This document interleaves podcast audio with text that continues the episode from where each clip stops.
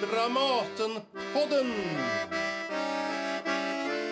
Välkommen till Dramatenpodden, Carl-Johan Karlsson. Tack så mycket. Tack. Ja. Jag tänkte, det är så här, nu, du har ju regisserat Arv, Matthew Lopez pjäs Arv som spelas på Dramaten eh, och som har blivit en sån här megasuccé. Den är jätte, jättelång. Om man ser hela i ett svep så, så tar det åtta timmar inklusive pauser.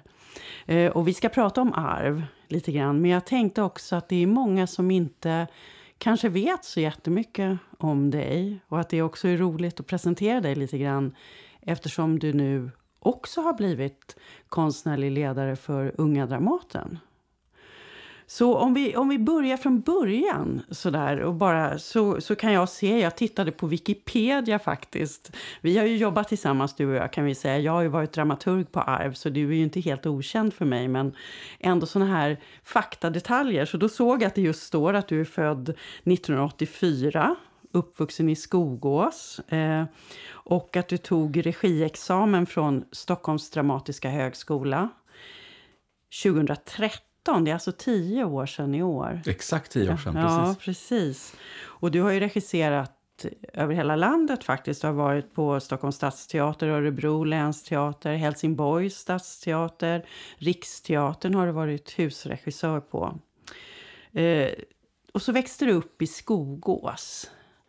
jag tänkte om vi börjar där lite med, med barndomen, om du ska bara säga någonting om, om den och om dig i den tiden.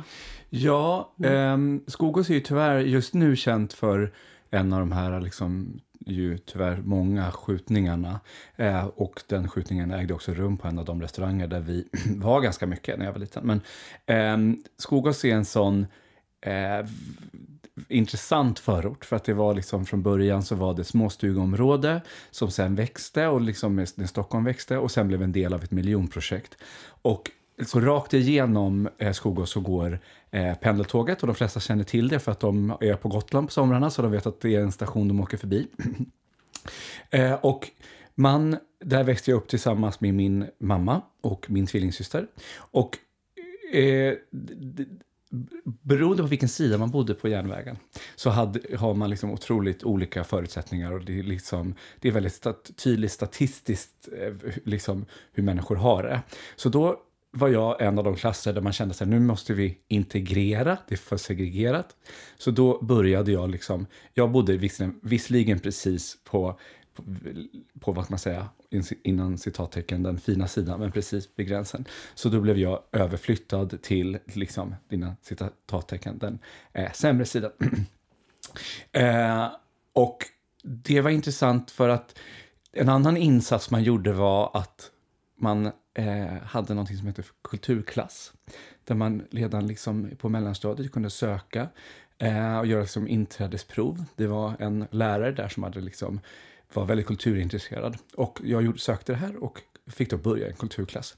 Där vi var liksom fyra timmar eh, teater och dans i veckan, eller så, men jag höll på med teater och Eh, så att, att jag sitter här idag är liksom en, från början del av en kommunal kultursatsning.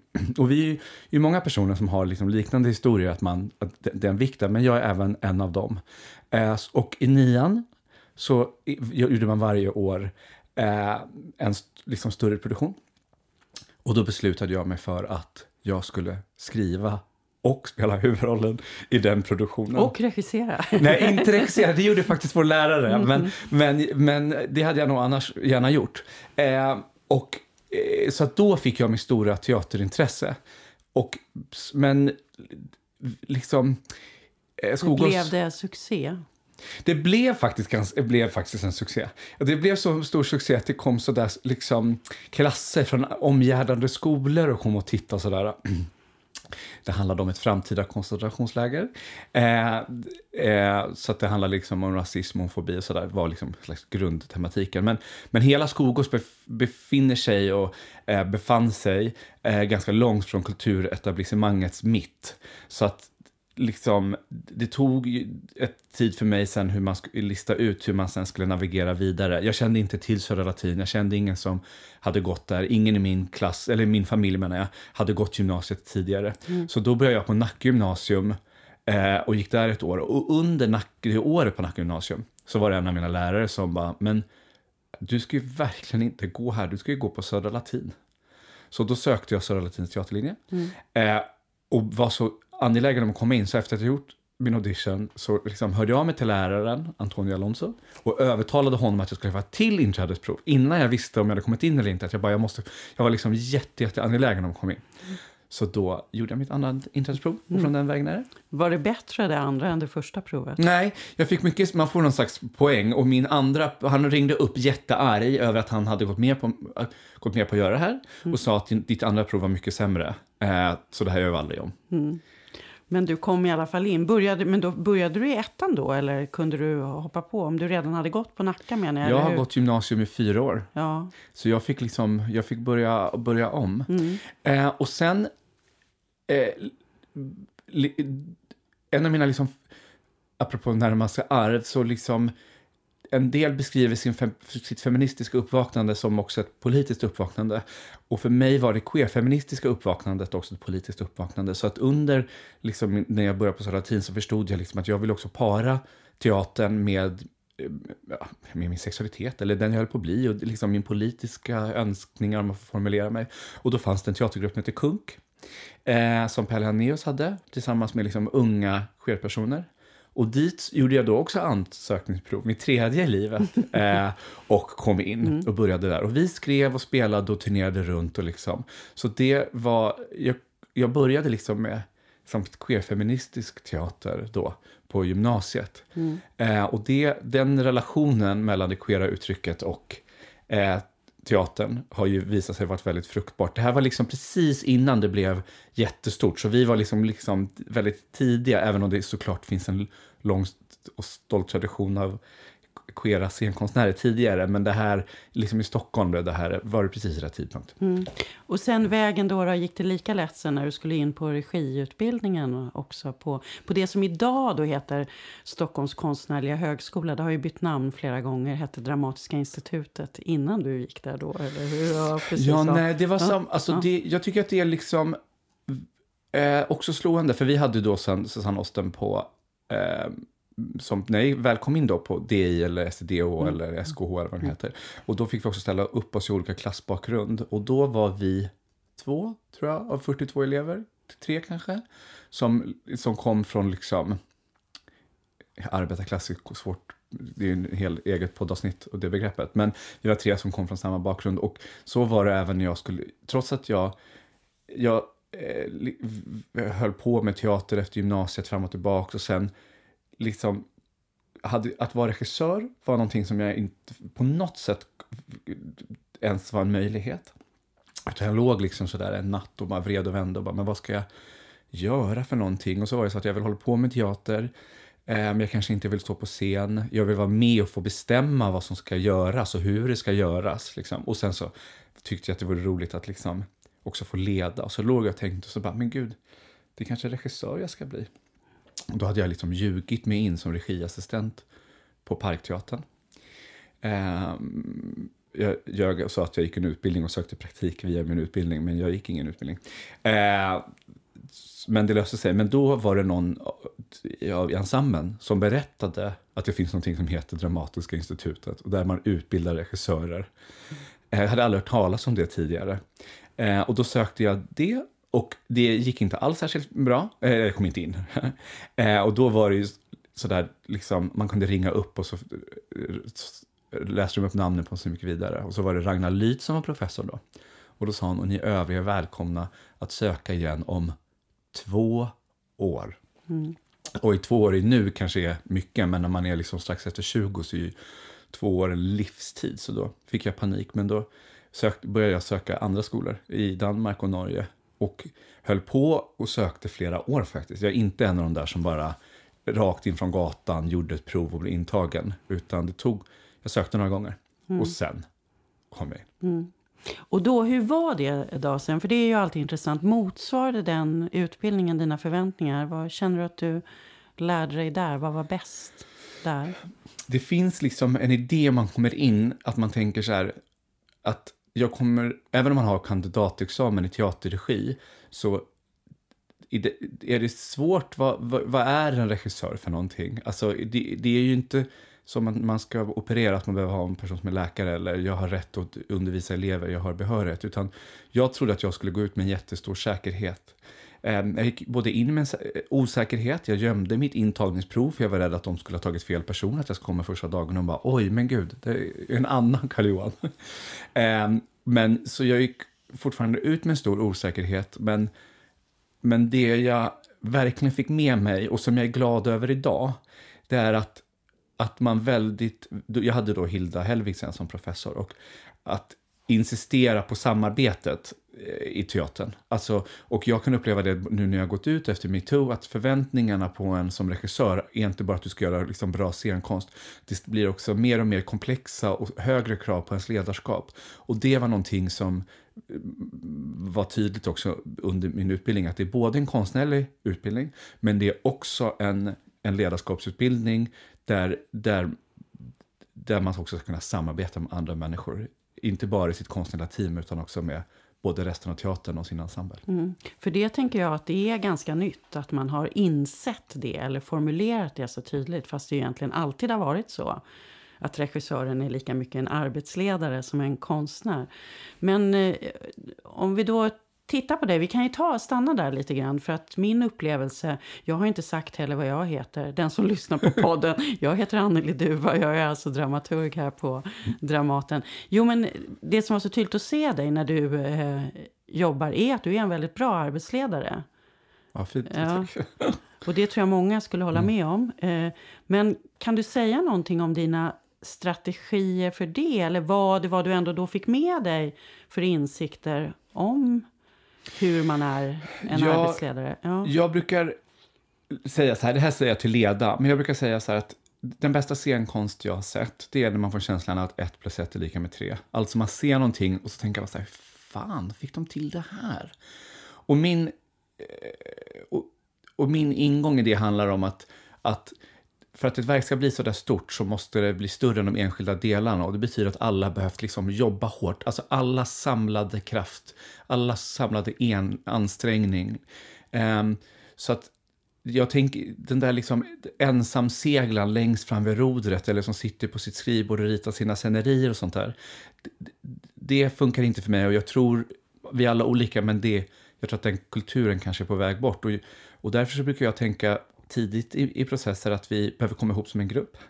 Eh, skådespelarna behöver liksom för, ha djup förståelse för hela materialet. Alltså inte bara sina egna scener, sina egna roller, utan de måste verkligen få en, ha en djup förankring till materialet. De måste hitta punkter i materialet där de kopplar an till sin egen levda erfarenhet. Eh, vad är det för någonting i det här som slår an i mig, gör mig upprörd, upphetsad, liksom kåt och kärglad? Eh, och sen så, apropå det här liksom queera, det politiska, så finns det också, är det jätteviktigt för mig att att ensemble också kopplar an verket eh, till sin egen politiska, humanistiska, filosofiska syn på vår samtid. Varför ska vi göra just det här materialet, just här, av just oss, just nu? Mm. Så att, och då har jag liksom olika strategier i början av ett arbete där jag säger att det här, allt det här måste infinna sig. Eh, och det är ju både som för en ensemble på ett sätt då ett privilegium att man, att man tas i beaktande. Men det är också ett stort åtagande. Um, jag har ganska svårt sen att in i processen jobba med personer som bara ser det som ett jobb. Utan jag tycker så att nu har vi försökt bereda förutsättningar för att det här ska bli, liksom, kännas viktigt och angeläget. Mm. Eh, och då måste man svara an med det och varför man också då ser till så att man tycker att det är viktigt och angeläget.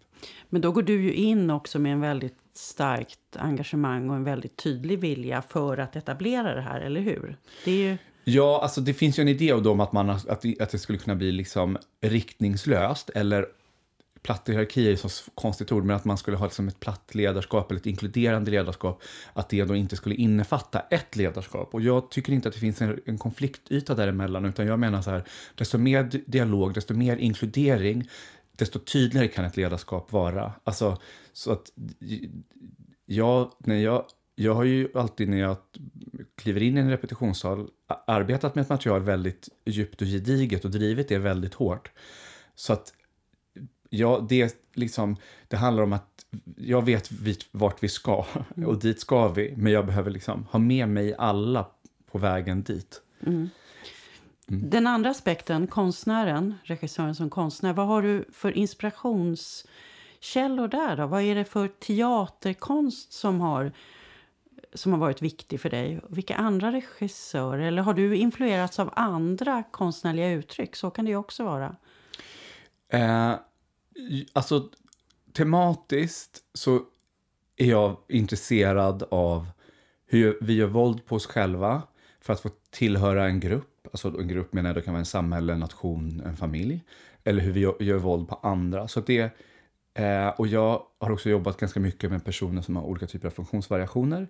Eh, och det jag liksom kan se att delar av deras livsvillkor som tangerar mina som in, inte heterosexuell. Så den där att risken att utsätta för social uteslutning och de villkoren är jag väldigt intresserad av. Och sen också är jag intresserad av alltså de här klassiska klassfrågor och liksom fattigdomsfrågor och liksom sådär.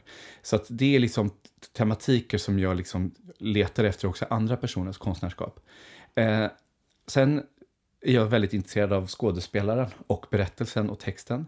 Eh, jag tycker det är så spännande med regissörer som är liksom, sitter bak i salongen och pekar och gör fantastiska bilder. Och, alltså det är verkligen, men det är inte på min planhalva, utan jag tycker om att komma nära, liksom tränga mig in, ställa frågor. Liksom, hur kändes det där? Hur var det där? Så att, och då finns det ju flera regissörer som är väldigt bra på det. Alexander, Mörk Eidem till exempel är ju en, en otrolig personinstruktör som jag verkligen tycker är eh, väldigt spännande. Sen uttrycksmässigt så tycker jag, det letar efter någonting som känns som Disney på kokain.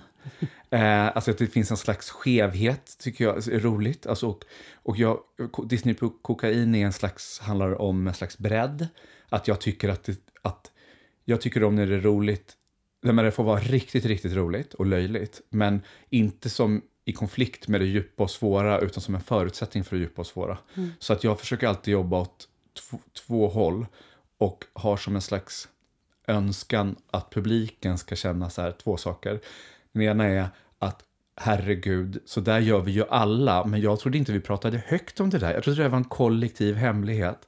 Eller när publiken skrattar jättemycket, att de skrattar och fattar att nu blir vi lurade, nu skrattar vi jättemycket här nu, för det kommer göra jätteont alldeles strax. Så det här är liksom, och den här känslan av med på en karusell och bara nu, nu ska vi ner. Mm.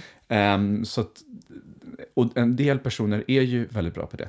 Sen är det sådär, um, Waters som gjorde liksom Hairspray, Cry Baby, alltså det finns massa så otroliga queerartister som verkligen har öppnat upp sprickor i vardaglighetens tristess eller verkligheten eh, som jag verkligen har, som har varit mitt syre. Mm. eh, sen jag var liten. Mm. Nej, men arv, naturligtvis, det, det, det, då kryssar ju in liksom alla de här punkterna. om man säger Det funkar ju på allt. Det har ju precis det, allt det du mm. beskriver nu finns ju i den pjäsen och ännu mer kanske i, i din uppsättning mm. av den pjäsen. Så jag förstår, du har ju berättat det här flera gånger men alla som lyssnar kanske ändå inte har hört ditt första möte med The Inheritance, som den heter på engelska, som du såg i London, mm. urpremiären i London. Eller du var inte på premiären, men det var den första gången den spelades ändå. Mm. Ja, precis. Ja. Alltså, jag hade aldrig hört talas om The Inheritance. Så ringde en vän till mig som bor i London, som inte har något teaterintresse. Eh, han hörde av mig och sa, sa så här, jag har varit på teater, du måste komma hit, det är otroligt. Skådespelarna är jättesnygga och de är nakna. Så han liksom försökte på alla sätt och vis försöka liksom få en hook. Cheap trick. A cheap trick. Ja. Eh, och så då eh, beställde jag en biljett så åkte jag dit. Och såg stora delar, jag såg allting på en och samma dag och var själv. Och var liksom... Eh, det är en sån där upplevelse som man alltid strävar efter, men jag insåg när jag såg den att jag aldrig riktigt hade varit med om den. Några gånger i, i mitt liksom, liv som publik har jag varit med om den li, nästan, nästan, men aldrig på det här sättet att jag kände så här, herregud, de har liksom gjort den här föreställningen för mig. Alltså det var som en slags nästan svindelkänsla, att det var som att bara, är det här nu en sån practical joke? Att de har liksom på djupet speglar mitt liv, allt det som jag brottas med, mina tvivel, min ångest, min oro som då en liksom strax över 30-årig homosexuell person som, som i en heterosexuell kontext. Alltså det var så otroligt träffande så att jag liksom fick svindel eh, och var så drabbad. Jag sprang upp och en som, en som sålde program inför sjätte akten sprang jag fram och bara Will there be hope in the end? Eh, så att jag var så, men och det var ju Steven Daldry som hade regisserat, regisserat den, som har regisserat liksom The Hour, som liksom otroliga föreställ, alltså otroliga filmer. Så att jag tyckte att den verket var komplett. Att det, alltså tänkte att det var liksom högsta nivå på allt. Så att jag gick inte därifrån, satt på flyget hem och tänkte så här, det här är någonting jag vill regissera. Eh, utan tänkte så här, nu är det gjort, liksom. Eh, och sen åkte jag dit med min kille som är liksom äldre än vad jag är och vi tog med oss några vänner och vi, liksom, nästa sån där kollektiv teaterdröm att det ska leda till ett samtal efter föreställningen. Men, och vi kunde verkligen då, det, det, var precis det som hände, att vi, den här gruppen, då bögar i olika åldrar, hade liksom samtal om vad det innebär att vara ung på den tiden. Alltså det var verkligen en nyckel mm. till att få liksom fördjupad förståelse. Men igen då, då såg vi den på två delar och då den flyttat till en större teater tänkte jag, det här liksom, vad härligt nu är det här gjort. Sen så var det eh, en skådespelare på en fest som bara, men ska vi inte liksom ta hit den? Och så läser vi den här. Och då tänkte jag så här, men det skulle vi ändå kunna göra. Liksom, så att, det är väl miljövänligt, ta hit den. Och så letade jag efter en scen. Och så fick vi ha en sån läsning här på Dramaten. Och som av en slump Ehm, så satt det liksom personer från teatern där. Och vi hade ju verkligen bokstavligen fått låna den. Det fanns ingenting så här, vi kanske kommer göra det här, det, lever vidare. Utan vi hade verkligen fått låna en, ett rum och ha en läsning med, visserligen inför inbjudna gäster som en slags publik. Men, men efter det så var det ju så här inne i huset att folk bara, den där pjäsen var ju jättebra. Mm. Den är ju det. Mm. Det är den ju faktiskt. och, och den har ju, de, du har ju nämnt flera saker, men en av de viktiga aspekterna är ju precis det där att den rör sig i tiden och att den speglar ett arv då, som sagt, både arvet från eh, aids-epidemin eh, och den generationen som är oerhört närvarande och den generationen som nästan försvann mm. och vad det innebär. Och sen finns också författaren Ian Forster som ju levde och verkade på 1900-talet. Alltså han var ju född på 1800-talet mm. till och med. Och som har skrivit eh, Morris till exempel, som blev en, eh, en gayklassiker när den publicerades först efter hans död. Och sen är också pjäsen då inspirerad av Forsters roman Howard's End som för Matthew Lopez var en uppenbarelse när han såg den filmen. Eh, som tonåring såg han den filmen med sin mamma. Den som är med Anthony Hopkins och Emma Thompson och Helena Bonham mm. Carter och andra. Och den förändrade hans liv som han har beskrivit mm. det. Så att han leker ju med Howard's End när han bygger den här berättelsen. Och Ian Forster är med då som en rollgestalt från en annan tid och förhåller sig till, till det som händer. Så att det, det är ju en väldigt rik det är en väldigt rik berättelse som också är möjlig just för att den tar så mycket tid i anspråk, givetvis. Ja, och det tycker jag är så ja. intressant så här att, eh, hur ska jag uttrycka mig, att det var en sån stor rädsla från alla håll, både från publiken och vi som har jobbat med materialet, men även från teatern, att så här, om man ska ta så enormt mängd tid från, från vår publik i anspråk, hur sjutton ska de orka? Hur sjutton ska de stå ut och vilja? Men så här i efterhand eh, så är det ju det som är en av de absolut stora behållningarna. Så att alltså om man ska tänka på teatern framöver, vad är det teatern, vad är det, vi, vad är det branschen eller kulturen, vad är vår räddning framöver i liksom den här omvälvande tiden? Så tänker jag att det är liksom stora berättelser, stora anspråk, liksom sådana som, som Matthew Lopez då, som såg också liksom Angels in America på 90-talet eh, och var så här, det här nu ska jag skriva, no jag, ska liksom ett, jag ska, ska, försöka mig på att skriva någonting som kan gå i spåren. Mm. Eh, och det, jag bara längtar efter att att själv få regissera om jag har åtta timmar mm. teater, det skulle bli jätteroligt. Men också att, att se andra saker som är liksom verkligen jättestort i sitt format. Nej, men för det har ju också med, alltså där kan man ju också undra hur mycket det är att vår tidsscen någon sorts sådär präglad av evenemangskultur eller så. Men att det blir en happening av det såklart. Det blir ju någonting som inte bara är att gå på en vanlig teaterföreställning. Och det är det alla också säger att den är, det är ju sex akter. Mm. Det är tre plus tre akter, alltså det är två delar.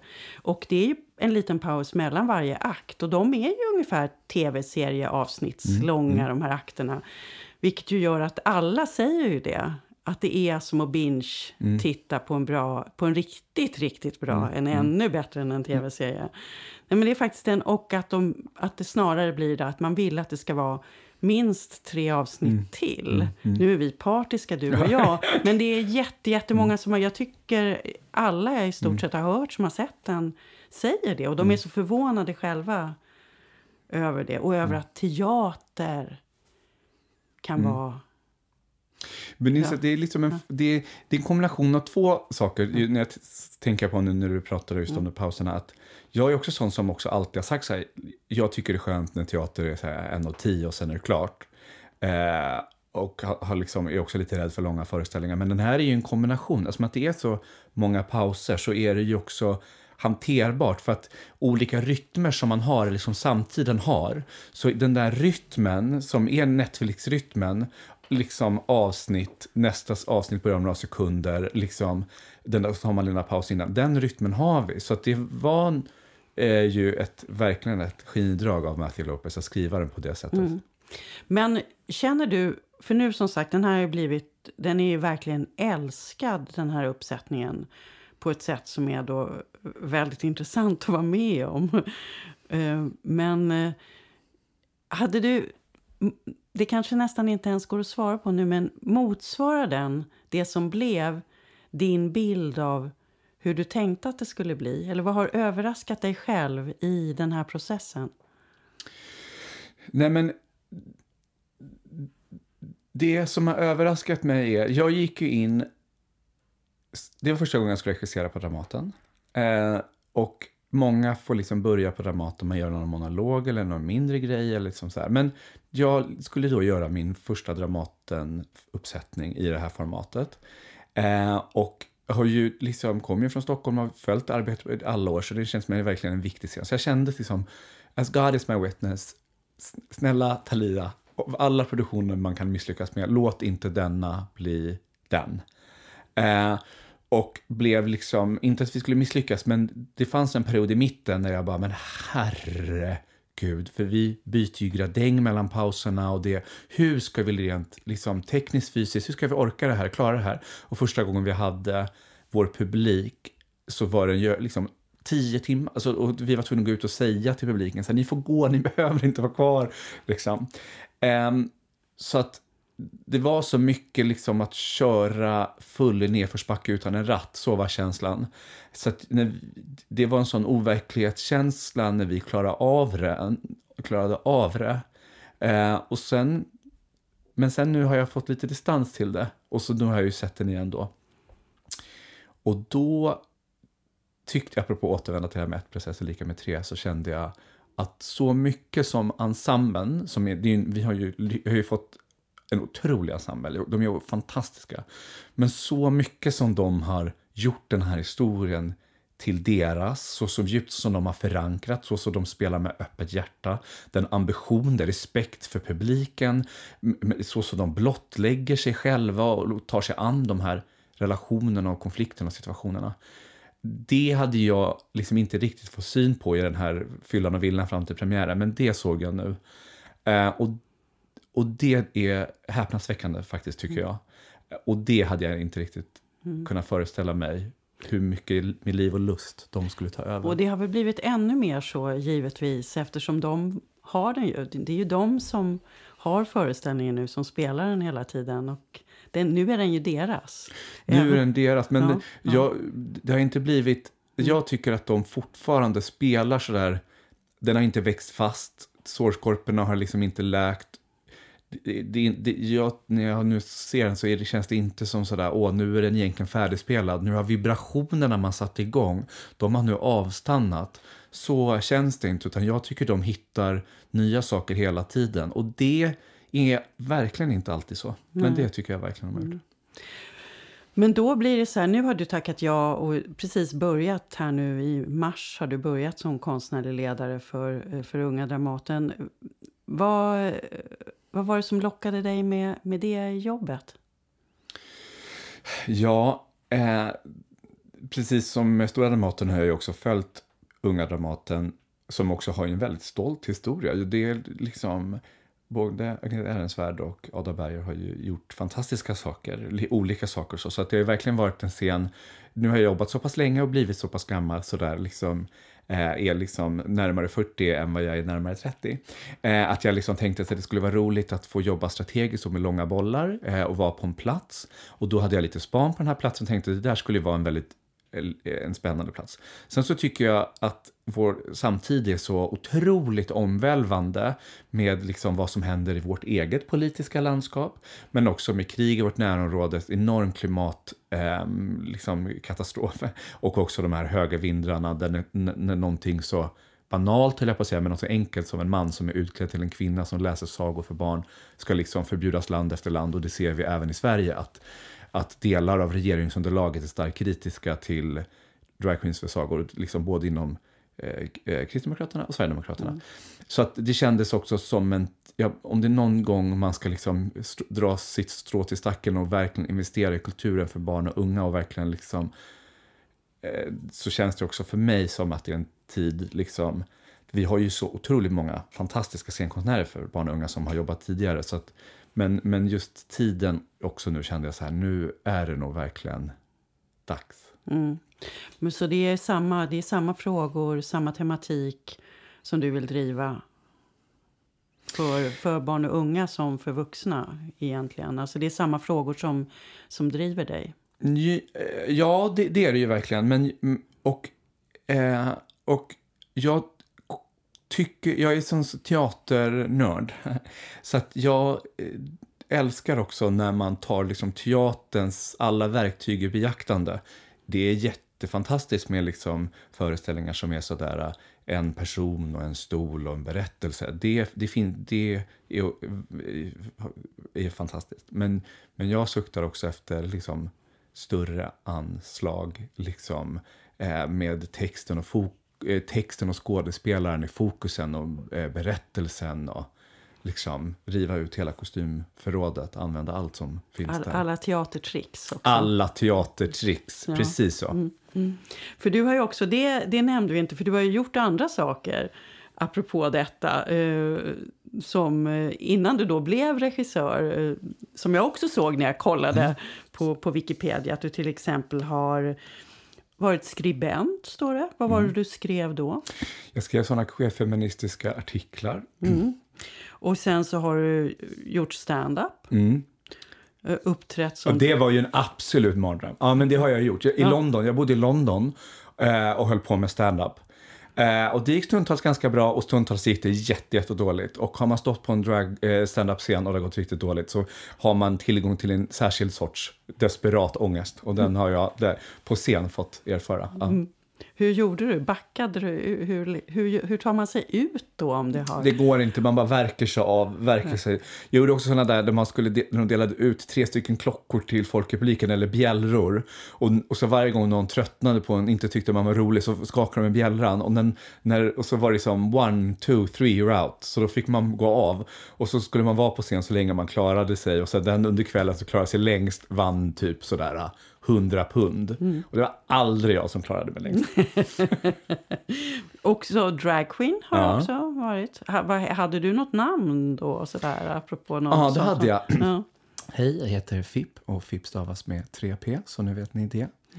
Eh, och jag gjorde ett residens faktiskt med Fipp på Ungsön Öst där jag levde som Fipp en månad och hade, skrev, hade en blogg eh, och filmade hennes liv och gjorde sen en, Eh, en föreställning för högstadiet. Mm. Så du är lite extra engagerad, för det har ju varit så mycket diskussioner. Vi var ju också tillsammans med hela ensemblen på QX-galan eftersom Arv blev nominerad. Eh, och då var det ju också så otroligt mycket kring det här med drag queens och sagoläsningen som har blivit ifrågasatt. Och, och att det nu fortsätter med den... Eh, hela den, den, här världen är, det är ändå det, det är ditt fundament, eller? Ja, absolut. Och jag ja. jobbade också på RFSL många år som skolinformatör och på deras ja. stöd och informationslinje. Och jag tycker... Vad heter han som man dör? Sankte Per? Jag, liksom, Eh, som står där med den där stora nyckeln. Och jag tänker att drag queens är som Sankte Per, som står med nyckeln och säger att den här, liksom, den här, den här gråa vardagen, eh, den här gråa november, så, så här ser det inte det här är inte verkligheten, utan verkligheten kan också vara någonting annat. Och bara för att man växer upp så behöver man inte ge upp varken färg eller lek eller kaos eller vrede. Eh, och de, den spricka i, i liksom då, det normativa liksom, samhället som de utgör är, är, ger syre till människor som, som, som mig och som behöver det och är därför i all sin anspråkslöshet livsfarliga för personer som tror att det finns någonting som en svensk identitet eller en svensk nation mm. eller som bara tror att det finns två kön och två sexualiteter, eller en sexualitet. Eller för någon som vill att alla ska bli vid sin läst. Och att, eh, för där kan man ju också översätta till att även om den här förorten är grå och tung så mm. finns det andra platser. Mm. Mm. Du kan också ta dig till en annan plats. Mm. Eller det finns väl en ganska självklar koppling mm. där också, eller hur? Ja, och ja. det finns... Och jag tror att varför man också ska vara så viktigt att slå vakt om eh, att man ska fortsätta att uppträda som dragartist är för att, att utan, om man inte bryter mot normen, om man inte utmanar normen, då sker ingen samhällsutveckling. Alltså det, vi har nu jättemycket företag som liksom, det gick helt okej okay, och sen hade de en jättekris och sen så Eh, och då i den där krisen blev det jätte, jättebra. Och jag tror att vi verkligen behöver liksom sceniska uttryck eh, och drag queens för att verkligen skapa kris. Mm. Eh, så att vi kan utvecklas. Och nu ska du ju då, vi får ju se hur länge du blir kvar på Unga Dramaten för jag tänker att du, du också kommer längta, inbillar jag mig, efter de stora uppsättningarna mm. kanske. Men nu har du ju gjort på något sätt, åtminstone just nu, inbillar jag mig den uppsättningen. Det måste ju också vara lite speciellt att det inte, man kan inte gå på bara vad som helst efter att man har gjort arv, eller? Nej, det där är en ja. jättesvår...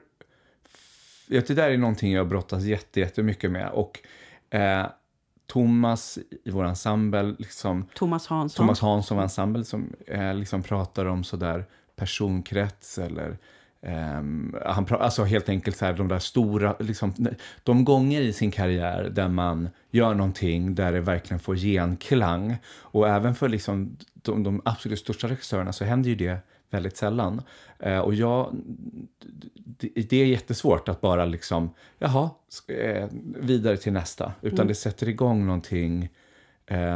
Och det sätter också igång någonting att sådär som den här föreställningen har varit nu, när den sådär i vår bransch helt plötsligt hamnar i ett väldigt starkt fokus och gör det, där folk också är väldigt angelägna och skriver till oss och skriver till mig och folk i ensemblen och det verkligen är liksom ett samtal och det betyder någonting och det har man ju, jag har ju längtat jättemycket efter det och är jättelycklig och ödmjuk inför det, men, men det är liksom som att man bara är vad gör man nu och hur gör man det nu? Att man inte bara släpper micken och säger sådär, nu är jag klar, nu göra någonting annat. Mm. Fast då är det väl perfekt det här med det här nya jobbet som är där du kan ha samma vilja fast det är från en annan position lite grann.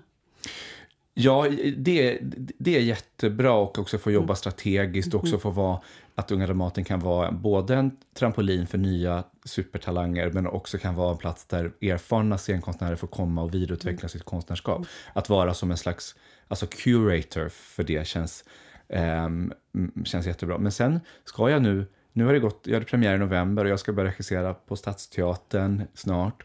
Så att do, någonstans den där äh, nerven eller vibrationen mm. börjar nu sättas igång och jag tänker så här, det finns nog fler historier som gömmer sig där inne. Ja, och då får vi förklara, det var ju bestämt innan du fick det här jobbet så du kommer vara tjänstledig från Dramaten för några regijobb som redan var planerade helt enkelt. Ja, ja. precis. Och det, precis. Och tack gode gud att det gick att lösa med tjänstledighet så att man inte skulle ha ja. båda samtidigt. För att det är ju, om det är någonting som förenar oss i den här branschen är ju att vi jobbar ihjäl oss. Mm.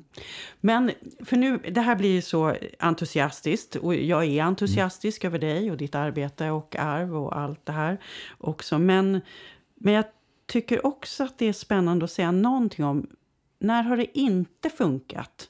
Vi ska inte sluta sen där nere. Vi får, ta oss, vi får ta, lägga till något. Så det blir, men, men också just att det inte bara låter som...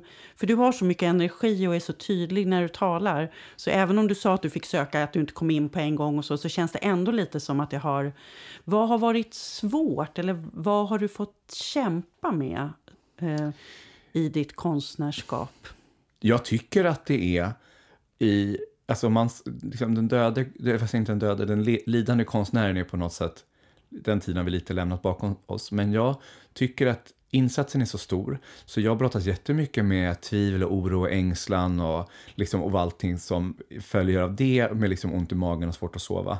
Eh, och det tycker jag är svårt. Och jag tycker också att det är svårt att, som regissör att och det här tror jag är någonting som många regissörer känner igen sig i, att man ska vara liksom som en outtömlig källa av kreativitet, lust, tid, ork att man bara liksom hela tiden ska komma glad till jobbet och liksom producera. Eh, så att, och jag har ju också haft produktioner där förutsättningarna inte varit de rest, rätta. Ensemblen kanske inte har matchat, eh, det, eller på olika sätt och vis, liksom, där man inte alls har nått dit man, eller dit jag hade hoppats, eller, eller också det kanske fanns, där det fanns potential. Så att jag har också liksom fått eh, eh slita ganska hårt och inte alltid jublat efteråt. Um, ja. Mm. Var det svar på din fråga? Ja, jag tycker det, det, det, var ett mer allmänt svar hur det är att vara konstnärligt verksam. Och, eh, Men man är så, jag tycker ja. att man, jag tycker att man, eh, har, jag har haft stunder man, där man där jag liksom har tappat... Man är ganska utsatt som regissör. Man, liksom, man ska... Det sa Benny Fredriksson till mig eh, eh, när jag gjorde min examensproduktion på Stadsteatern och det var, var lite bråkigt. Och då sa han så här, du måste ställa dig i mitten. Du får inte lämna den där konflikten. Du måste liksom vara solsystemet. Du måste vara solen i det solsystem av konflikt som precis nu liksom existerar. Eh, och där har jag liksom erfarenheter av att jag liksom har tappat bort mig själv eller liksom börjat lita för mycket på någon, lyssna för mycket på någon annan och tappa mitt eget ankare, min egen intuition och sådär. Eh, och det har lyckligtvis blivit bättre med erfarenhet. Men, mm. eh, men det har jag liksom erfarenheter av att jag liksom tappar bort mig själv och bara mm. springer runt och frågar folk vad tycker du, vad tycker du, vad tycker du? Jo men det är väl lätt hänt. Det är så intensiva och mångbottnade processer. Ja, och det, men, för att jag ska säga att jag tycker att det är intressant också i vår bransch att på ett sätt, när man ska opereras vill man ha en väldigt erfaren doktor eller om du ska gå till en psykolog så vill man ha en väldigt erfaren psykolog. Men vår bransch är, är ganska lik bögkulturen, att man hela tiden strävar efter eh, ungdom och Um, och, och därför kan jag också känna att det sämsta man kan ha i den här branschen är erfarenhet. Uh, och det betyder ju att man, när man är ung så kan man också få lite för stora skor, för vi drömmer om den där situationen, den där nya personen som gör sin första produktion som blir jättebra. Och, och då i det, ibland blir det ju jättebra, men då springer man också på sina, vad säger man, sina törnar, man, man mm. får sina smällar, så ska jag säga. Så ska jag säga. Men om man då ser eh, framåt, eh, för jag tror, att det, men jag tror att det är jätteviktigt att säga det där bara. Så att inte allting bara verkar som en sån här eh, glättig bild. För att eh, det är så tydligt att det är, och, och, att det är liksom även en bra process är en jobbig process. Mm. Sen kan man tycka att den är mer bra än jobbig, men det finns alltid konflikter, det finns alltid missförstånd, det finns mm. saker som är svåra att ta sig förbi. Och du som regissör måste göra vissa mm. val som är svåra. Ja, som inte är populära. Ja. Man måste vara i motstridiga intressen mm. och säga saker som jag vet att, ni, att du eller att ni som grupp allihopa tycker så här. Men nu ska vi jobba åt det här mm, hållet. Mm. Och det är ju... Eh, och vi, jag hade ju förmånen att få liksom Alltså, vi hade ju en del kontakt med Susanne Osten när jag gick på skolan och sådär. Jag har ju pratat med henne efteråt också. Hon pratade om vikten att vila efter produktion och vila upp sig, återhämtning. Eh, och när jag precis kom ut så kände jag så men gud, jag behöver ingen vila, ingen återhämtning. Det är bara gasa. Eh, men nu känner jag verkligen så här, gud, om det är någonting man ska egentligen skriva in i våra kontrakt som vi ska få betalt för och som man ska kunna liksom ha när man förhandlar, så är det liksom möjligheten att få återhämta sig efteråt. För även om det produktionen gick jättebra, allting var toppen, eller om det inte gick lika bra, så kommer massa saker eka vidare. Jag ligger fortfarande och bara, varför sa han så där? Mm. Typ repvecka två. Mm. ja, men det är den känsligheten som också är en tillgång, mm. även om den är, är, är tärande på sitt sätt. Men om man tänker beyond allt då, eller bortom vad, liksom i, i framtiden, har du drömmar, sådär, drömprojekt eller någon annan, någon, drömmer om någon klassiker att få göra, alltså någon sån här känd pjäs eller någonting? Eller, eller ligger det lite och puttrar nu och så ska jag fråga dig om det igen om ett tag? Nej, ja, men det egentligen är nog svaret fråga igen om ett tag, men jag har liksom, jag har några sådana där liksom större verk som jag, som jag, som jag bidar mig tid kring och tänker det där någon gång i framtiden om några år så, så kanske det är liksom rätt tillfälle för mig att, liksom, eh, att investera i det där. Eh, men, men det jag vill nu och som jag vet att jag kommer, eller förhoppningsvis eh, kommer vilja framöver så handlar det om att fortsatt arbete med skådespelare, alltså vara nära skådespelaren i, i ett mindre format eller i ett sånt jätteformat. Eh, det samarbetet och liksom min mitt intresse för skådespelaren och skådespelarens konst bara blir större och större. Eh, både min respekt och min frustration gentemot skådespelaren blir bara större och större. Eh, men också liksom, liksom riktigt stora, eller behöver inte bara stora, men riktigt välskrivna pjäser eh, är verkligen någonting som jag mm. längtar och suktar efter har, blodad tand. Har du någon som du vill nämna som du redan har tänkt på? Eller du kanske vill, liksom, inte vill outa det? Nej, jag ska nog faktiskt verkligen inte outa det. För att jag vet några riktigt bra tänker. Sitter jag här och säger det här nu, då bara nästa år på någon teater så står man där och bara, ja, det var ju ett skitbra tips. då får du behålla dem så mm. länge. Eh, och eh, jättekul att du kom hit ner till ljudstudion på mm. Dramaten. Carl-Johan Karlsson och ja. pratade med mig, Anneli Duva. Ja, det var jättefint. Ja, och jag säger tack till dig. Vi ses ju igen här i huset. Igen. Ja, underbart. Ja. Ja, Hej. Tack. Dramatenpodden!